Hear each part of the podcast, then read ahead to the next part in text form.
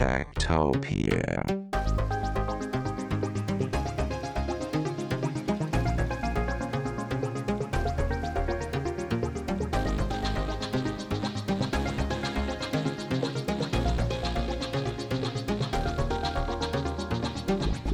Techtopia. Tektopia er en podcast om mennesker og deres teknologi, udgivet af Ingeniørforeningen Ida i samarbejde med Teknologiens Mediehus og støttet af Ida Forsikring, Innovation Center Danmark, DK Hostmaster og Messecenter Hernings konferencer, EUT, HI og Automatikmessen. Mit navn er Henrik Føns, og det er mig, der bestemmer i Tektopia. Techtopia.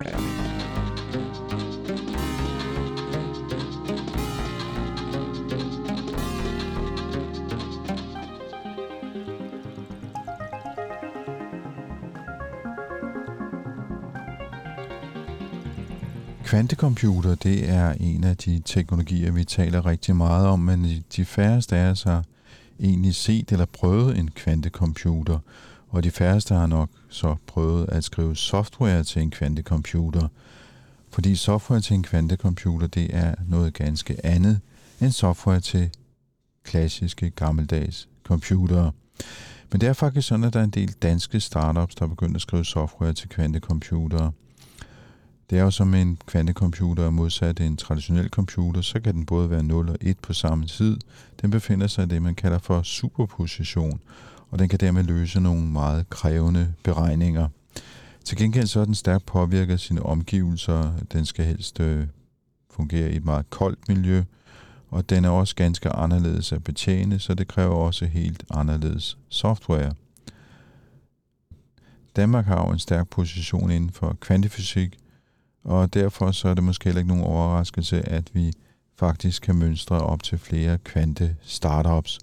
Og nogle af dem, de var med på årets Tech Barbecue konference, hvor øh, vi havde lejlighed til at øh, snakke med dem. Så øh, vi kommer til at snakke om, øh, hvordan man laver software til kvantecomputer, og hvordan kvantecomputer i det hele taget fungerer. Du kommer til at møde virksomheden Horizon Quantum Computing, som i parentes bemærket overhovedet ikke er dansk, men deres Chief Science Officer, hun bor faktisk her i øh, København, så lidt dansk tilknytning er der da. Og så skal vi hilse på firmaet Quantify, og det er faktisk dem, vi begynder med. Øh, vi skal møde Sofie Lindskov Hansen, der er Quantum Application Specialist hos Quantify.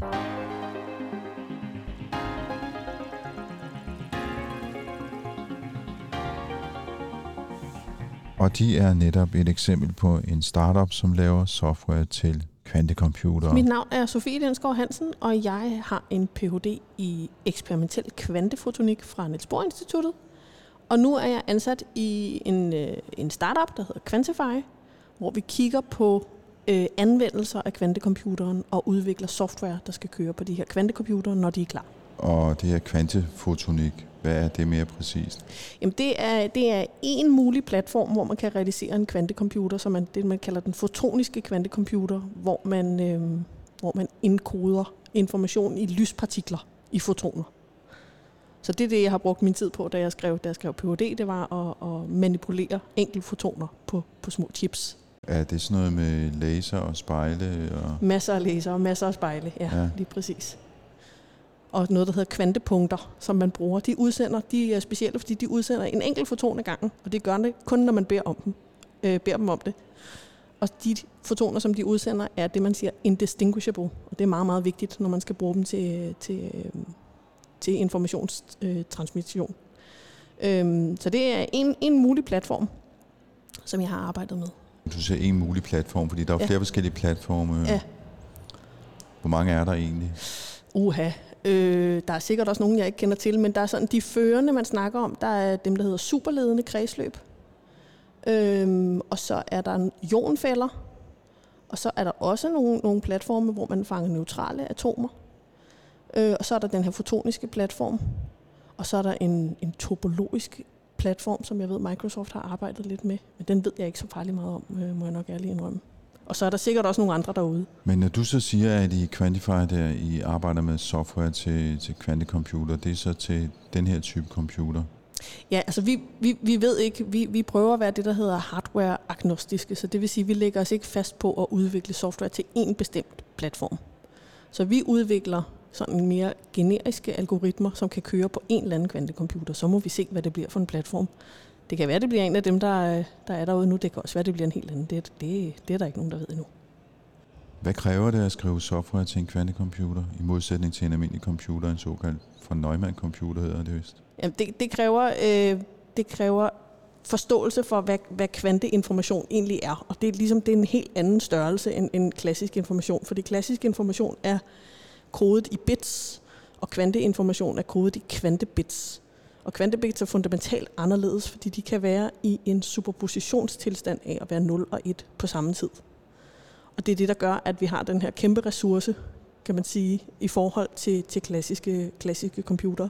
Og det skal man forstå, hvordan man udnytter, når man skal skrive en kvantealgoritme. Så det er, ligesom, det, det er et helt andet sprog, man ligesom skal, skal, skal lære at tale, når man skal skrive kvantealgoritmer frem for klassiske algoritmer. Når man så har forstået det, så det handler det bare, bare om at lave nogle gates og nogle kredsløb, på samme måde som, som hvis man lavede en klassisk algoritme. Men det er ligesom et helt andet, et helt andet game, fordi det er nogle, en helt anden måde, man, man enkoder informationen. Men når du siger, at man skal lære at forstå det, vil det sige, at man skal lære en helt ny måde at, øh, at kode på, øh, og, og hvad gør det med de mennesker, vi allerede har uddannet? Altså mangler vi så nogen, eller, eller kan de noget forkert? Eller? Nej, de kan absolut ikke noget forkert, fordi vi skal lige huske, at kvantecomputeren kommer ikke til at erstatte den klassiske computer. Den klassiske computer kan masser af ting, som kvantecomputeren overhovedet ikke kan konkurrere med. Og det skal, det skal den have lov til at blive ved med. Kvantecomputeren kan nogle andre ting. Så, så der er ikke, øh, så, men, men, men hvis man skal kode til en kvantecomputer, så skal man have en særlig forståelse for, hvad det er for et, for et sprog, og hvad det er for noget information, hvad det er, den kan.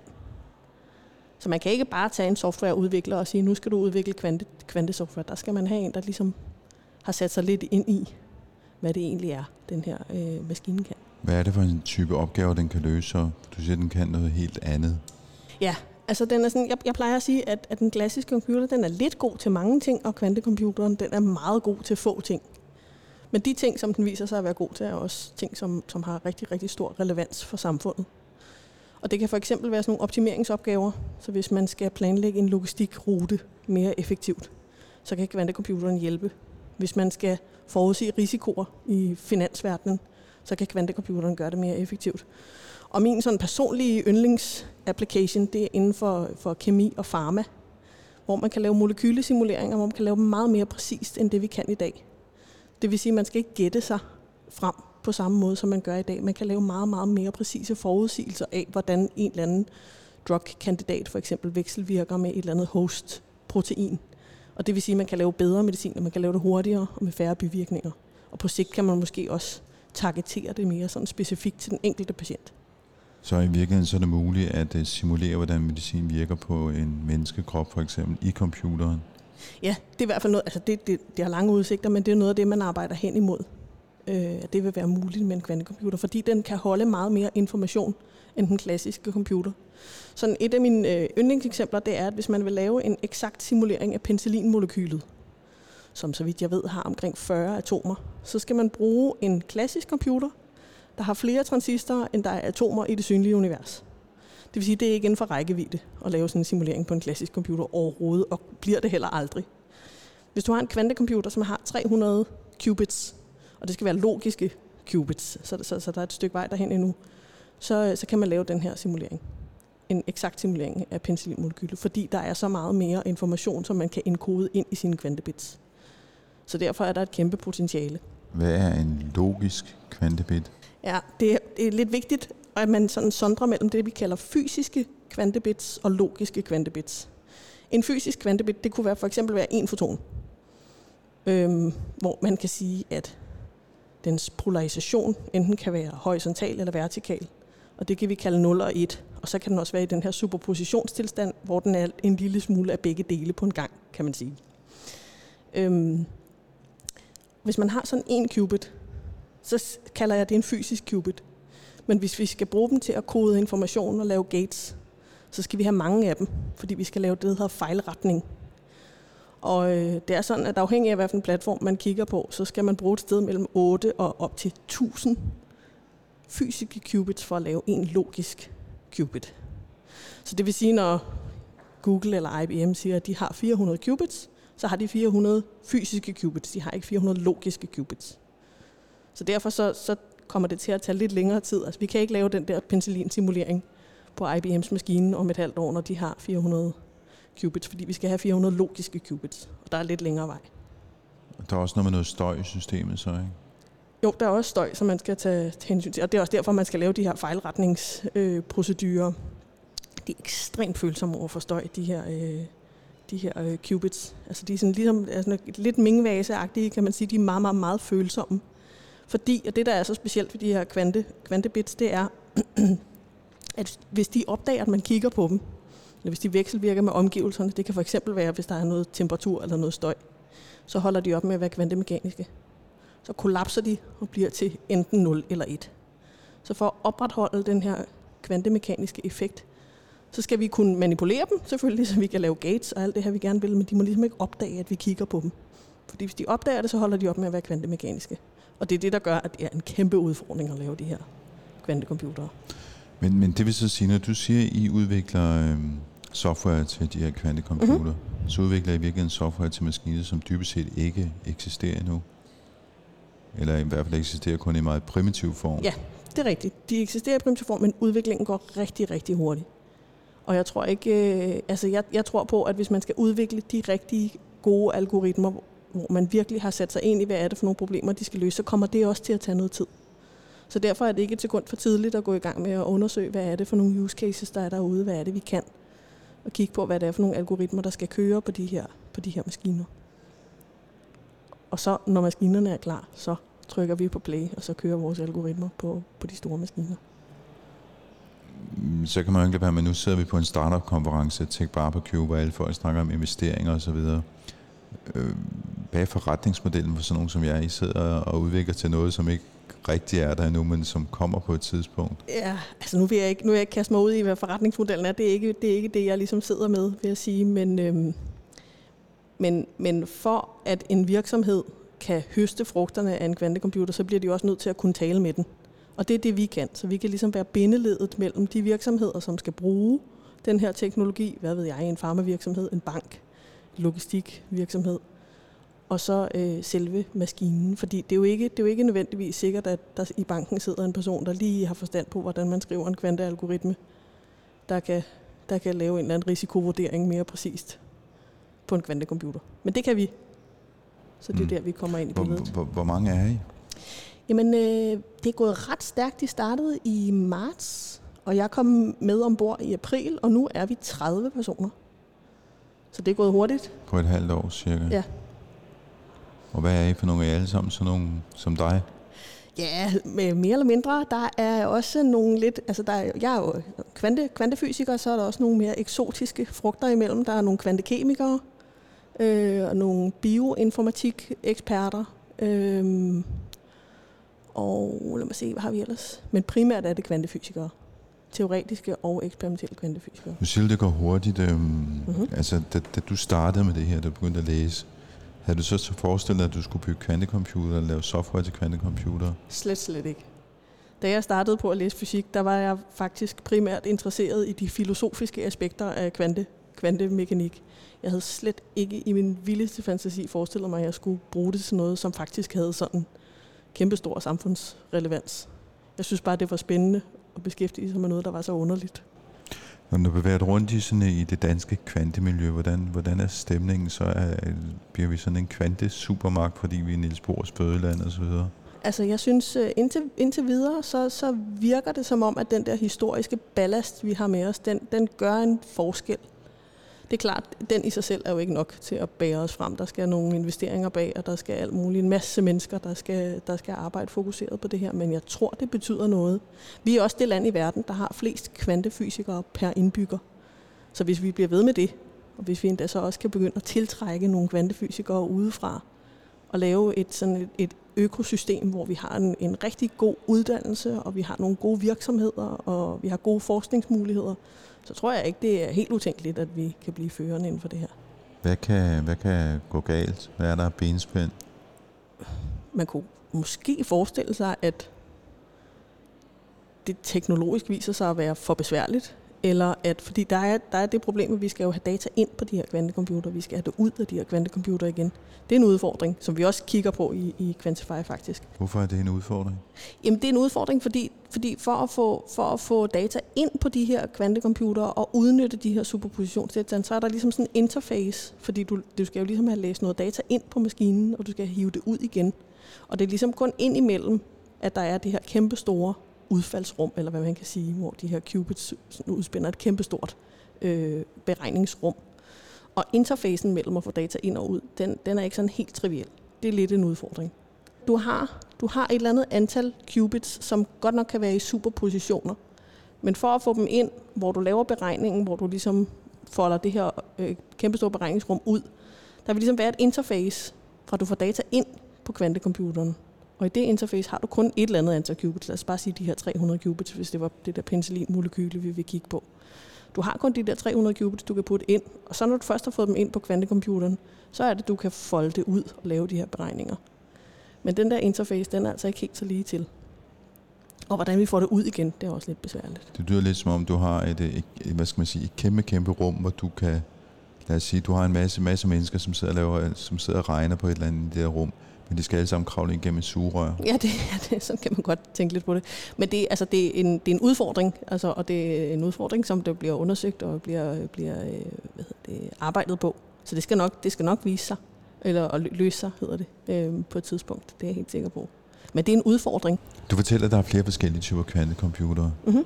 Øhm, det er min fornemmelse, der er sådan lidt et kapløb mellem nogle af de der store virksomheder, Microsoft, ja, IBM og så videre. Ikke? Altså, ja. hvem, hvem vinder hvilken type? Er det den topologiske, ja. der vinder, eller den IBM har, som jeg ja. glemt, hvad hedder? Men, det er de der superconducting ja, qubits, ja, superledende kredsløb. Ja. Altså, er der, det, hvad skal man sige, er der en af de her typer computer, der ligesom vinder, og så bliver det det, der bliver kvantecomputeren i fremtiden? Altså ligesom vi havde det med, øhm, med hvad hedder det, videobånd i sin tid, mm-hmm. VHS og Betamax, altså sådan en, en krig, ja. eller... Ja, det er, et godt, det er faktisk et godt spørgsmål. Altså, jeg tror, øh, jeg, jeg tror måske, vi, vi kommer til at se mere, at man finder ud af, at nogle platforme er gode til nogle problemer, og nogle andre platforme er gode til noget andet. Øh, og de fotoniske, det kan sagtens være, at de kommer til at være bindeledet imellem nogle nodes, som måske er baseret på superledende qubits eller, eller ionfælder, eller hvad ved jeg. Men, men så det bliver en form for hybrid, og det kan også godt være, at der kommer en, øh, en helt ny type qubits, som vi ikke har tænkt på endnu. Det kan sagtens være. Det vil jeg ikke udelukke i hvert fald. Men hvem bygger så de her computer, som I laver software til? Det er de store, øh, de store virksomheder, som Ja, det er de store virksomheder. Altså man kan sige, det er ligesom det er universiteterne, som gør alt det hårde benarbejde og ligesom finder ud af, hvad der kan lade sig gøre. Og så er det, så er det virksomhederne, der ligesom tager over og, og begynder at opskalere, når, når de kloge mennesker inde på universiteterne har fundet ud af, hvordan det skal gøres. Men ja, det vil være de store virksomheder, som, som laver de her maskiner. Og det er en cloud service, altså det er en computer, der står et eller andet sted ude i verden, som man kommunikerer ja, med? lige præcis. Ja. Det kommer ikke til at være en, der står ude i, i garagen hos, hos Herre Danmark sådan på sigt. Jeg tror, det kommer til at være, at der er nogle nodes rundt omkring i verden, så kan man tilgå dem via clouden. Og grunden til, at den aldrig kommer til at stå i garagen, hvad er det? Lige nu, der tænker jeg, at jeg har svært ved at se, hvad, hvad anvendelsen skulle være for herre og fru Jensen, hvis de havde sådan en kvantecomputer stående ude i, øh, ude i, ude i garagen. Men, men på, på den anden side, man kan sige, Turing blev også spurgt om, hvad man kunne bruge hans maskine til i sin tid, og så sagde han noget øh, knæk koder, og så kunne han ikke rigtig forestille sig andet. Så det kan sagtens være, at der vil være anvendelser, jeg, ikke, jeg slet ikke kan, kan, kan forudse. Men, øhm, men altså, jeg tror, det bliver sådan noget med, at store virksomheder har brug for at have adgang til de her, men det bliver ikke, jeg skal ikke bruge en kvantecomputer, når jeg skal skrive engelsk stil eller et eller andet den stil, så derfor bliver den ikke, bliver den ikke sådan udbredt som sådan. Men der er også noget fysisk med den måde, den skal opbevares på, ikke? Altså, og det skal gerne være øh, koldt.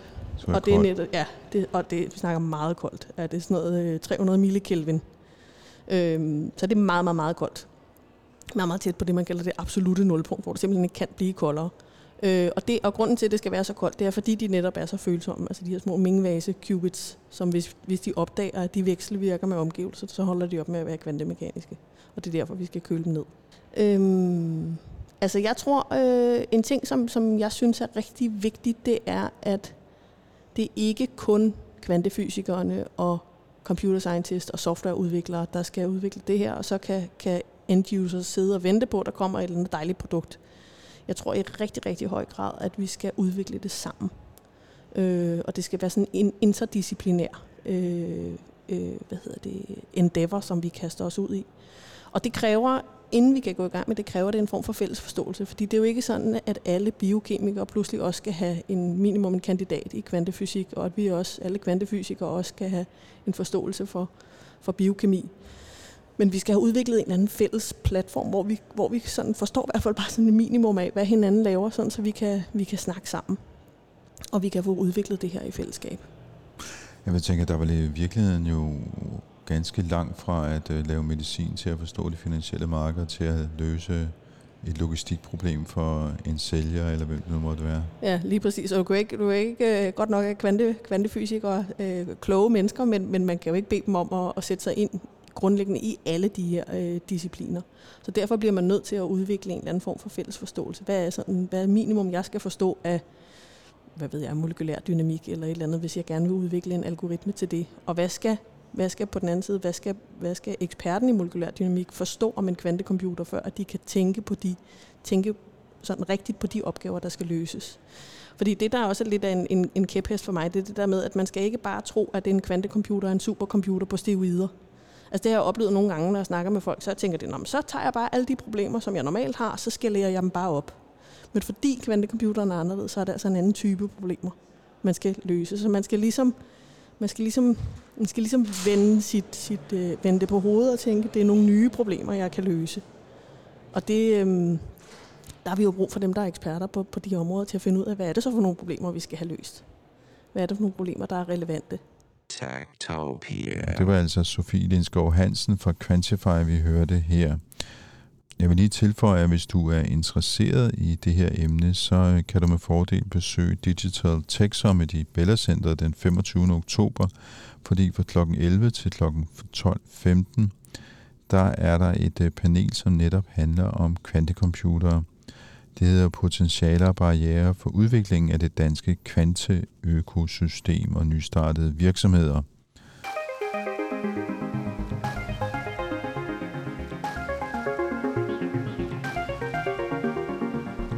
her nu, der skal vi øh, videre i øh, teksten i øh, Tektopia. Vi skal høre mere om, øh, hvordan man laver software til kvantecomputere. Vi skal hilse på Sihui Tan fra Horizon Quantum Computing, hvor hun er Chief Science Officer. Og de har gang i at lave en compiler til kvantecomputere, så man kan overføre principperne fra klassisk øh, computerkode til noget, der kan køre på en kvantecomputer. I'm Sihui Tan. Uh, I'm Chief Science Officer of Horizon Quantum Computing. Uh, so officially, I'm you know heading the R and D of um, you know building the software stack for Horizon. Uh, but you know we, we are a small company now, so essentially it's quite a lot of like a broad range of things that I do. Uh, but generally, uh, at Horizon, we're building a uh, compiler. It's, it's, a quantum software company, and what we're trying to do is to uh, allow people without quantum knowledge to be able to uh, you know take their software code base and be able to say you know compile that down to a quantum circuit that can be run on a quantum processor without any quantum knowledge uh, and in between you know we try to figure out uh, where uh, quantum speedups could occur uh, and do the algorithm synthesis and we do some optimization on the quantum circuit that eventually comes out of the compiler. Uh, at least that's the vision. What What is the quantum speed up? Oh yeah, sure. So I guess we can take a step back about uh, why we are interested in quantum computing. Mm. Uh, so quantum computers uh, have been shown to have the promise of being able to solve problems, some problems, not all, uh, much faster than classical computers. So we call that a quantum speed up uh, essentially is using the principle of superposition entanglement in some creative way uh, to solve uh, problems. And uh, computer scientists have classified problems by how hard they are. And the class of problems that quantum computers can solve uh, well, uh, not all problems can be solved faster for, on a quantum computer, but you know some of them have been shown to. So, for example, factoring is a classic example. Um, like, like factoring, uh, the factoring problem is a problem that quantum computers can solve faster than classical computers. So, you know, to yeah, to find the factors of a large number is difficult, and it's the basis for uh, RSA, which is an encryption uh, crypto system that is used in today's banking. And uh, you know, but you know, once you know the factors of the number, it's very easy to tell that it is a factor because you just divide it. Okay, it is a factor, so you can verify it very easily. But to find the factor of a very large number is a difficult problem. And quantum computers have been known since the 1992 because of Peter Shor um, that you know factoring could be solved much faster than a classical computer. What what is actually the difference between software for a quantum computer and software for sort of like the traditional von Neumann machine? Right. Uh, I, I, guess just to put a bit of basis on von Neumann machines, um, basically this is like the arch- archetypical uh, computer architecture that we know of, you know, like a laptop or iPad. You know, you have memory and a CPU, a processing unit that processes information, and uh, uh, they work together to, you know, then you can input through the keyboard and mouse and things like that. Uh, so a, a, quantum computer is uh, different, I think, in three main ways, uh, in a few ways. So one of the ways uh, that's different is that you know we don't have a quantum memory yet. So the existing, or these you know commercial you know like working together with processing. So when we want to run a program on a quantum computer you have to input it at runtime. You can't store the program. So that's one difference. Uh, i guess that's not the foundational difference but you know we don't have quantum memory. Uh, another difference is that you know a quantum computer you're encoding information on uh, quantum bits so because you have uh, you know quantum bits, they can interact each other coherently together, uh, and when you do a computation, they uh, they can run through different branches at the same time, which is not true for a conventional computer.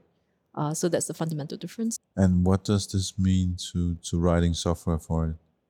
Yeah, so it comes down to uh, being able to use that uh, superposition and entanglement that I mentioned of the quantum bit to be able to harness the um, to be able to solve problems and you know figure out like the answer to a problem by utilizing that branching that I was talking about, being able to uh, traverse different computational branches.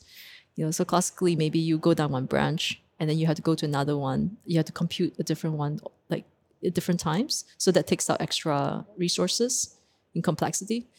Um, but quantum computers can sometimes, for certain problems, you know, explore all branches uh, at the same time. So that's how it, uh, you know, you have a speed up, so to speak.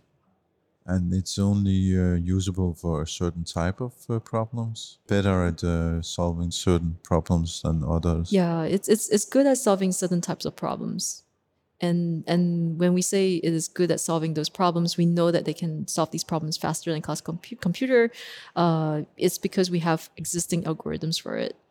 So uh, so that comes down to how difficult it is to write you know applications for a quantum computer because you need to know an algorithm for that type of problem you want to solve right? And that comes down to having the algorithm for it. So you know you you kind of have to know where you're going with it before you can um, you know, like run an application. So that's the that's actually coming down to the key problem of quantum computers now, which is that well, there are a few problems. One is you know hardware may not be big enough or good enough, uh, but the other problem is that okay, you know, uh, if you want to run an application, you still have to construct the the, the program for it and that's really difficult. So that's what we're trying to do at Horizon, which is to uh, boil it down to some primitives that we know um, uh, that we know could be sped out on quantum computers, and we try to inf- we try to inf- uh, do the algorithm synthesis automatically, uh, and then compile and then you know further compile that down to a quantum program that can be run on a quantum processor. So what you're doing is actually building a tool for the developers. A compiler. Yeah. We're building a compiler that uh, for developers who might be interested in using quantum computers, but they may not have the quantum knowledge. We are trying to make it hardware agnostic. So yes, we're like we're trying to make it work with all these uh, quantum computers, uh, and and the reason we can do that is because, um, of course, under the hood, the hardware works differently, and how you talk to it, like how you control the quantum system is different, and you know, of course, you know, but we're not going that far down. When we talk about programming a quantum computer, we have a certain language that you use, right? Like the the gate I mentioned the gate set. So um, for even though the uh, even though the physics of how the gates and qubits are being controlled are different in these different different systems, uh, at the end of the day, when the hardware companies manufacture them and they package them and they control them, they have a gate set that they are thinking about that is used by um, you know people programming the quantum computers rely on, and that that language, that gate set, is common. Uh, is a common theme among these different groups. Uh, you know, so in, in that way, through that language, you can uh, control the system uh, because they have they have interfaced to you know to the lang- to the to the program that controls them uh, and I, I think there might be more variety coming out How, how far are we in terms of quantum computing today? I mean, do we see quantum computers actually working in the field right now? yeah definitely we uh, i have run like quantum uh, programs on them uh, they're very noisy for sure. Like it's not, you know, like you, you run like, you know, a few hundred gates and it's like you just see noise. Um, but yeah, it's uh it, it's, it's there. It's just not perfect. And we still lack the killer application for it that can so we have these algorithms that I, I spoke of, right? But that like fact Shor's, right? It takes a lot of qubits and a lot of gates. And our this hardware we have now today cannot be run on those systems because it's just too noisy. And we have no error correction that suppresses the noise, at least not yet. When you say noisy, it's not like noise you can hear with your ears. It's a different kind of noise.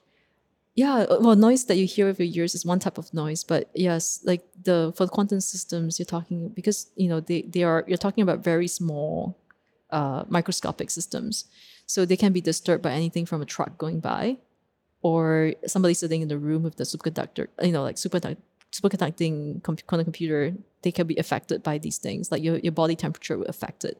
So so yes. Um, And what the noise does is it destroys the superposition. uh, it it it makes it yes. It destroys the superposition. It destroys the state of information that's being uh, encoded onto the qubit, the qubits that's in the state, but also the interactions between them. Yeah. So like let's say if you uh, I'm trying to find an analogy. So let's say uh, you have two spinning coins that's like representing two qubits being in super, being in an entanglement, right, on a table, and then you bang the table, right? Then that will affect the the two spinning coins, right? So that's an analogy. So if you know if you try t- if you have a quantum computer that's running a computation, and then you shake it a bit, right? Then you will push them out of sync with each other, uh, naturally. Well, what kind of problems uh, are we today looking at solving with a quantum computer?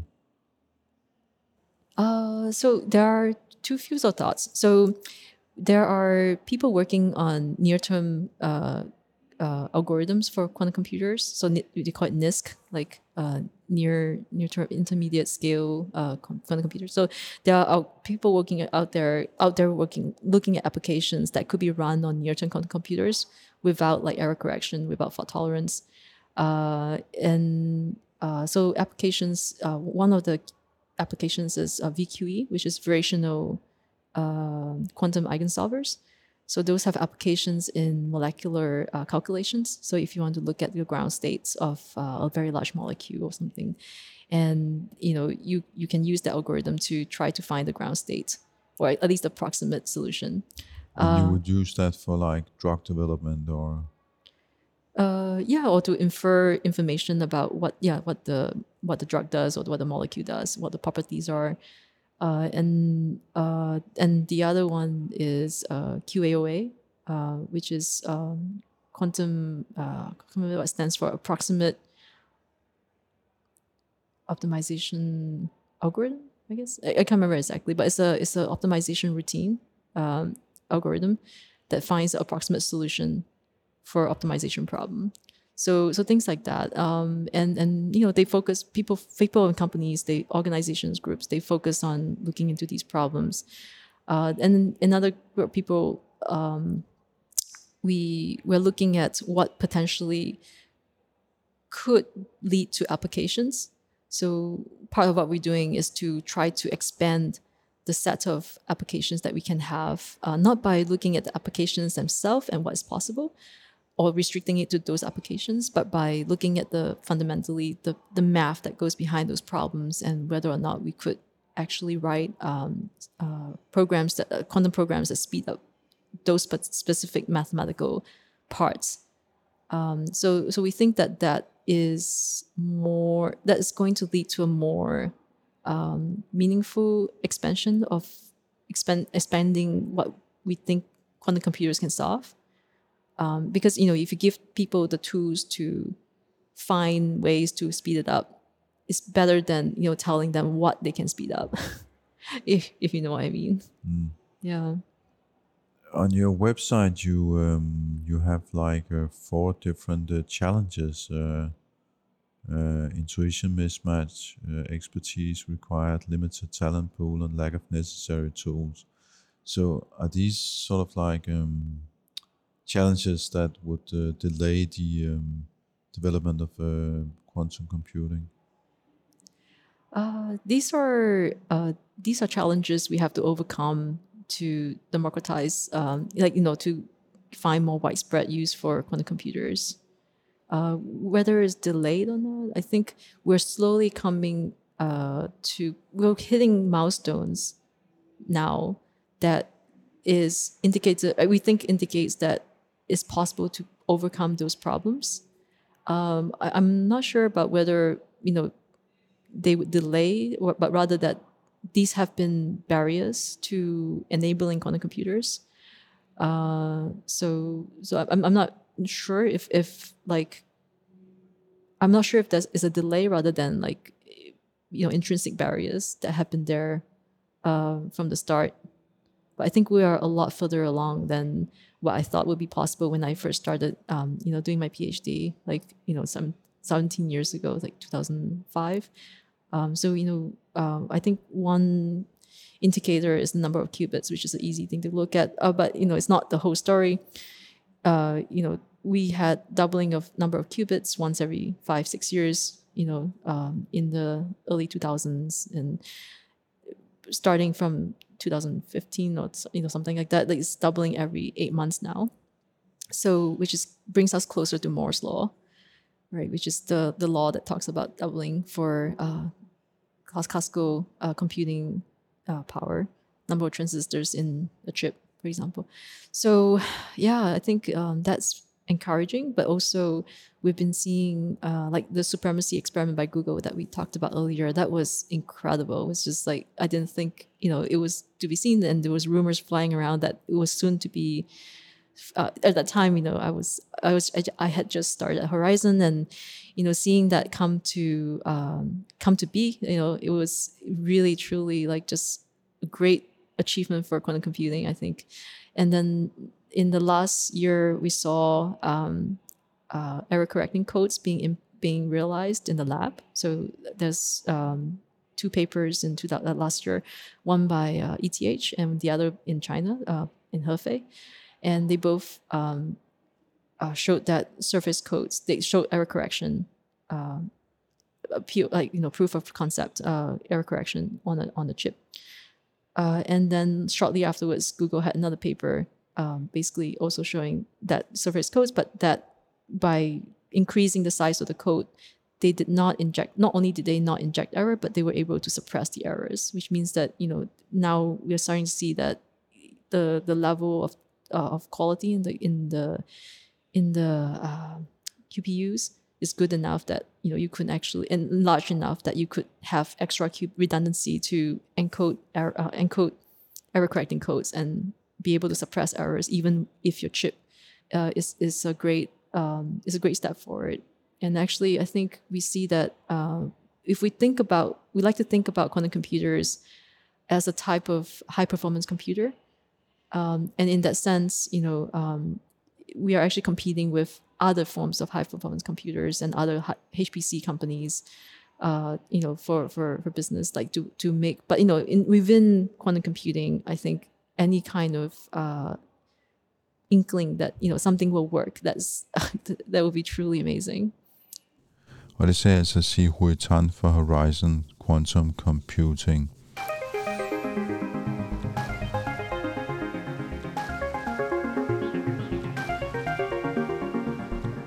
Som nævnt tidligere, så kan man tage på Digital Tech Summit i Bella Center den 25. oktober og opleve et øh, panel om netop kvanteøkosystemet og startups. De kommer til at diskutere mulighederne og barriererne for udviklingen af det danske kvante-community og startups. Panelet vil diskutere de øh, største muligheder og barriere for udviklingen af det danske kvante-community og de nystartede virksomheder inden for feltet, blandt andet hvordan vi undgår, at de øh, flytter til udlandet og ikke bliver i Danmark og udvikler sig og bidrager til det danske community.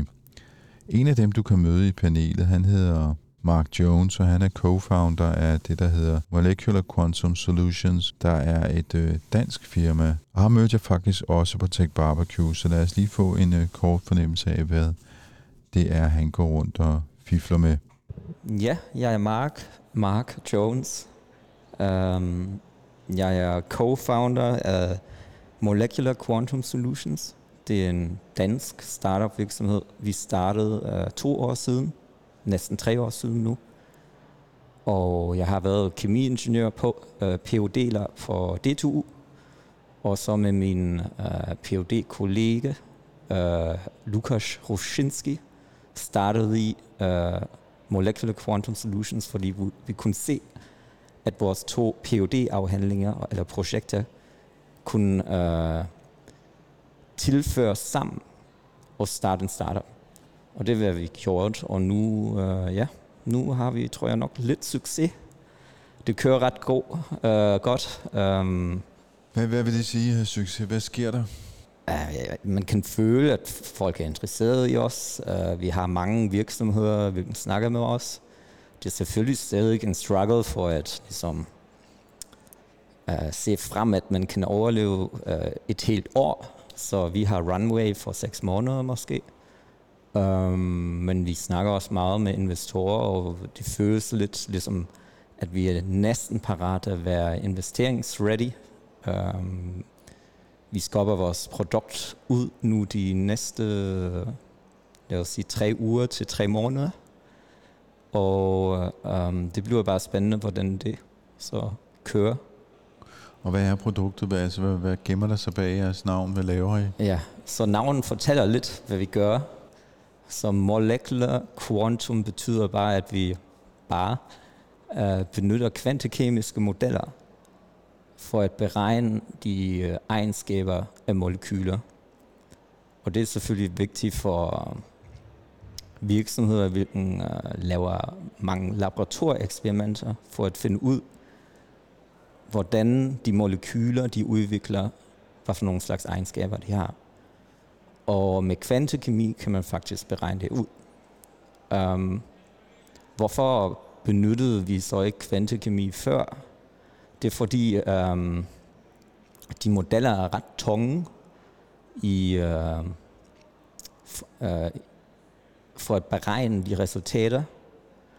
Og nu med uh, high performance computing og machine learning og også nu i fremtiden kvantecomputer, kan man faktisk løse de modeller hurtigere, bedre, mere nemt og med en kvantecomputer også mere akkurat i fremtiden.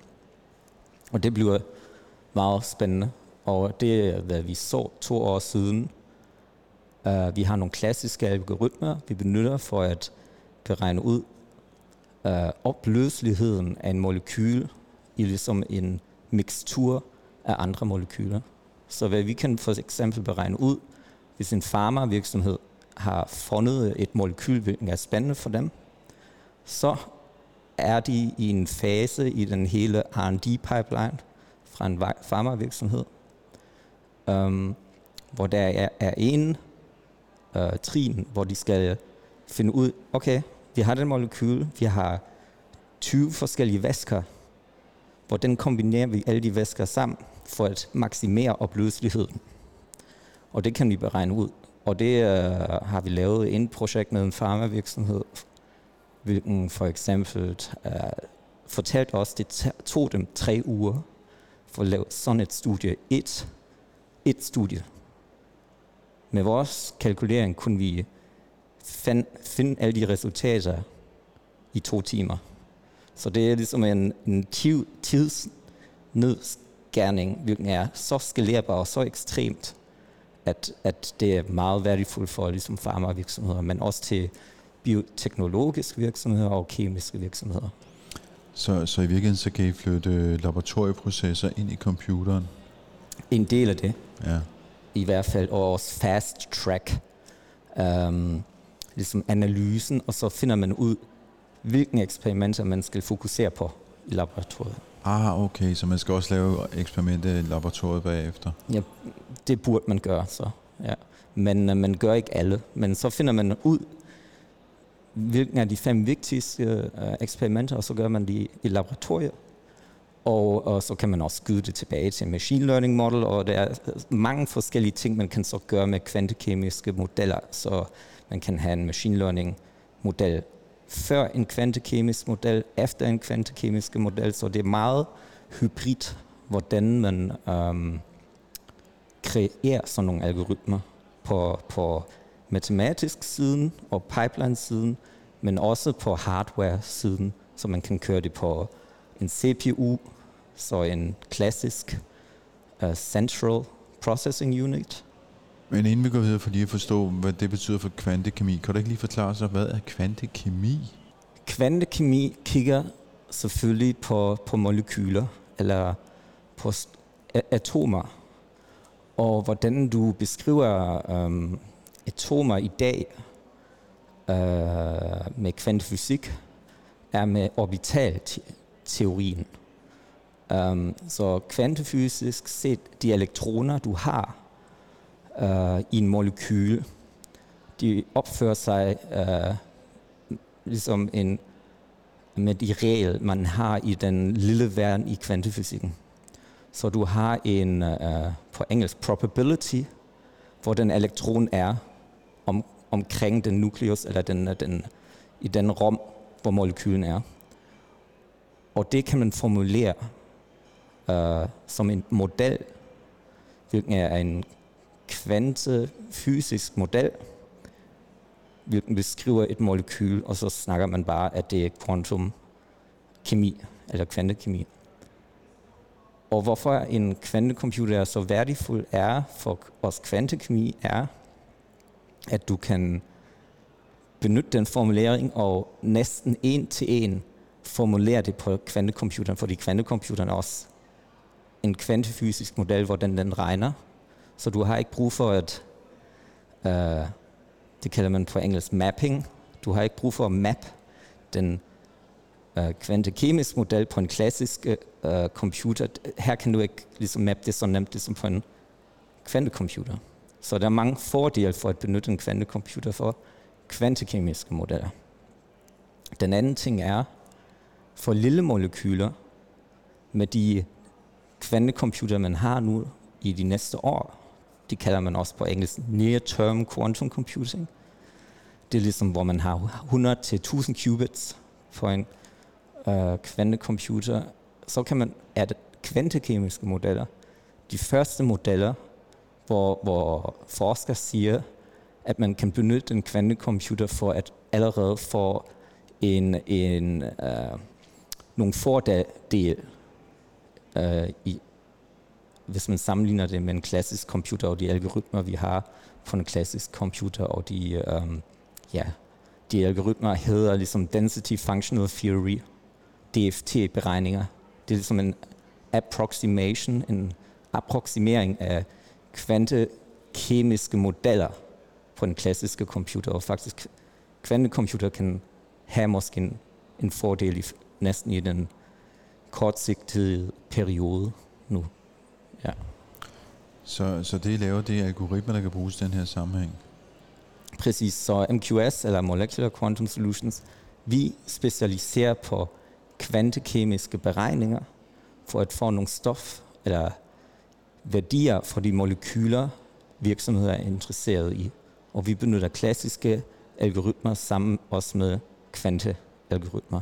og prøver at bygge en algoritme på de forskellige um, processorer. Så en kvantecomputer vil aldrig substituere en klassisk computer, men de vil kommunikere med hinanden, og det kalder man hybrid uh, algoritmer, eller hybrid uh, classical quantum uh, algoritmer. Ja, det er, hvad vi gør. og det sagde altså Mark Jones, som du kan møde på Digital Tech Summit her den 25. oktober i Bella Centeret. Jeg linker til øh, konferencen for tektopia.dk, fordi der findes nemlig også en rabatkode, du kan bruge, hvis du gerne vil med til den konference.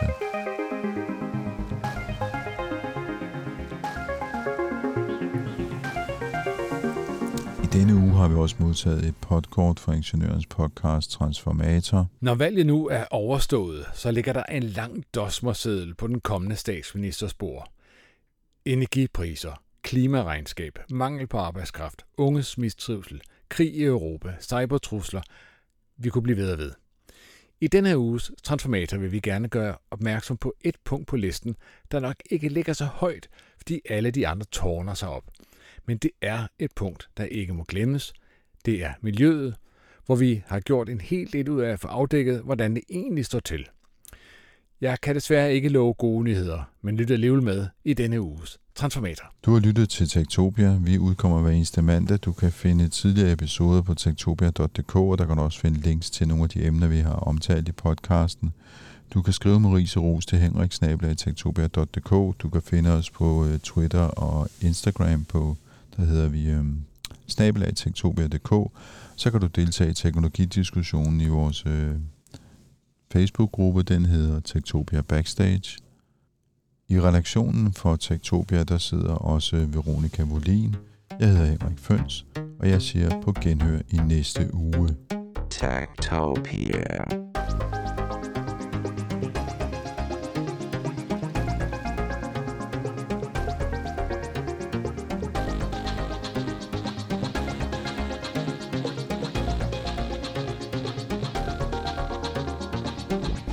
Tektopia er en podcast om mennesker og deres teknologi, udgivet af Ingeniørforeningen IDA i samarbejde med Teknologiens Mediehus og støttet af IDA Forsikring, Innovation Center Danmark, DK Hostmaster og Messecenter Hernings konferencer, EUT, HI og Automatikmessen. Mit navn er Henrik Føns, og det er mig, der bestemmer i Tektopia. Tektopia.